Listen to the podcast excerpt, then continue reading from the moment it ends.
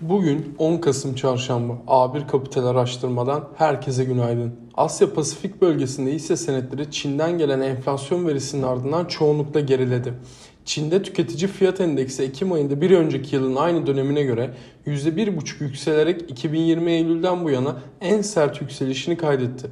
Üretici fiyat endeksi ise beklentileri aşarak yıllık bazda %13,5 arttı.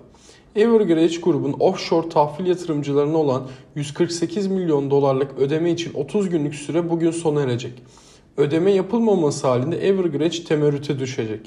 ABD Hazine Bakanı Janet Yellen, kongreden geçen altyapı yatırım paketinin ve Başkan Biden'ın sosyal harcama ve iklim değişikliği planını ABD'de verimliliği ve iş gücünü arttıracağını savundu. San Francisco Fed Başkanı Mary Daly, koronavirüsün delta varyantının yol açtığı mal ve iş gücü arzındaki problemlerin çözülmelerin aylar alacağını söyledi. Tedarik zinciri sıkıntılarının gelecek yaza kadar devam edeceğini vurguladı. BIST endeksinde yükseliş rally etkisini sürdürürken dün gün içinde 1631.45'e kadar yükselen endeks kapanışa doğru hafif geriledi ve günü %0,44 oranında değer kazanımı ile 1615.64 seviyesinden tamamladı. Yurt dışı piyasalardaki satışların etkisiyle güne negatif başlamasını beklediğimiz endekste 1600'ü gün içi işlemlerde ilk destek seviyesi olarak verebiliriz. Bu desteğin üzerinde kalındığı sürece endekse geri çekilmeleri düzeltme hareketi değerlendireceğiz. Ancak 1600'ün kırılması gevşeme eğilimini hızlandırabileceğinden bu seviyenin altında daha temkinli kalınmalı.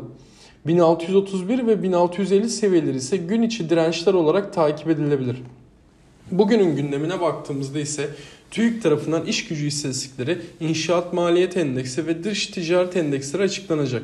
Mevsimsel düzeltilmiş işsizlik oranı Ağustos ayında %12,2 olarak açıklanmıştı. Yurt dışında ise ABD'de tüketici fiyatları piyasalar tarafından yakından takip edilecek. Bir önceki ay tüketici fiyatları aylık %0,4, yıllık %5,4 artış göstermişti. Bugün 10 Kasım Ulu Önder Mustafa Kemal Atatürk'ü aramızdan ayrılışının 83. yıl dönümünde sevgi, saygı, özlem ve minnetle anıyoruz. Herkese bol kazançlar.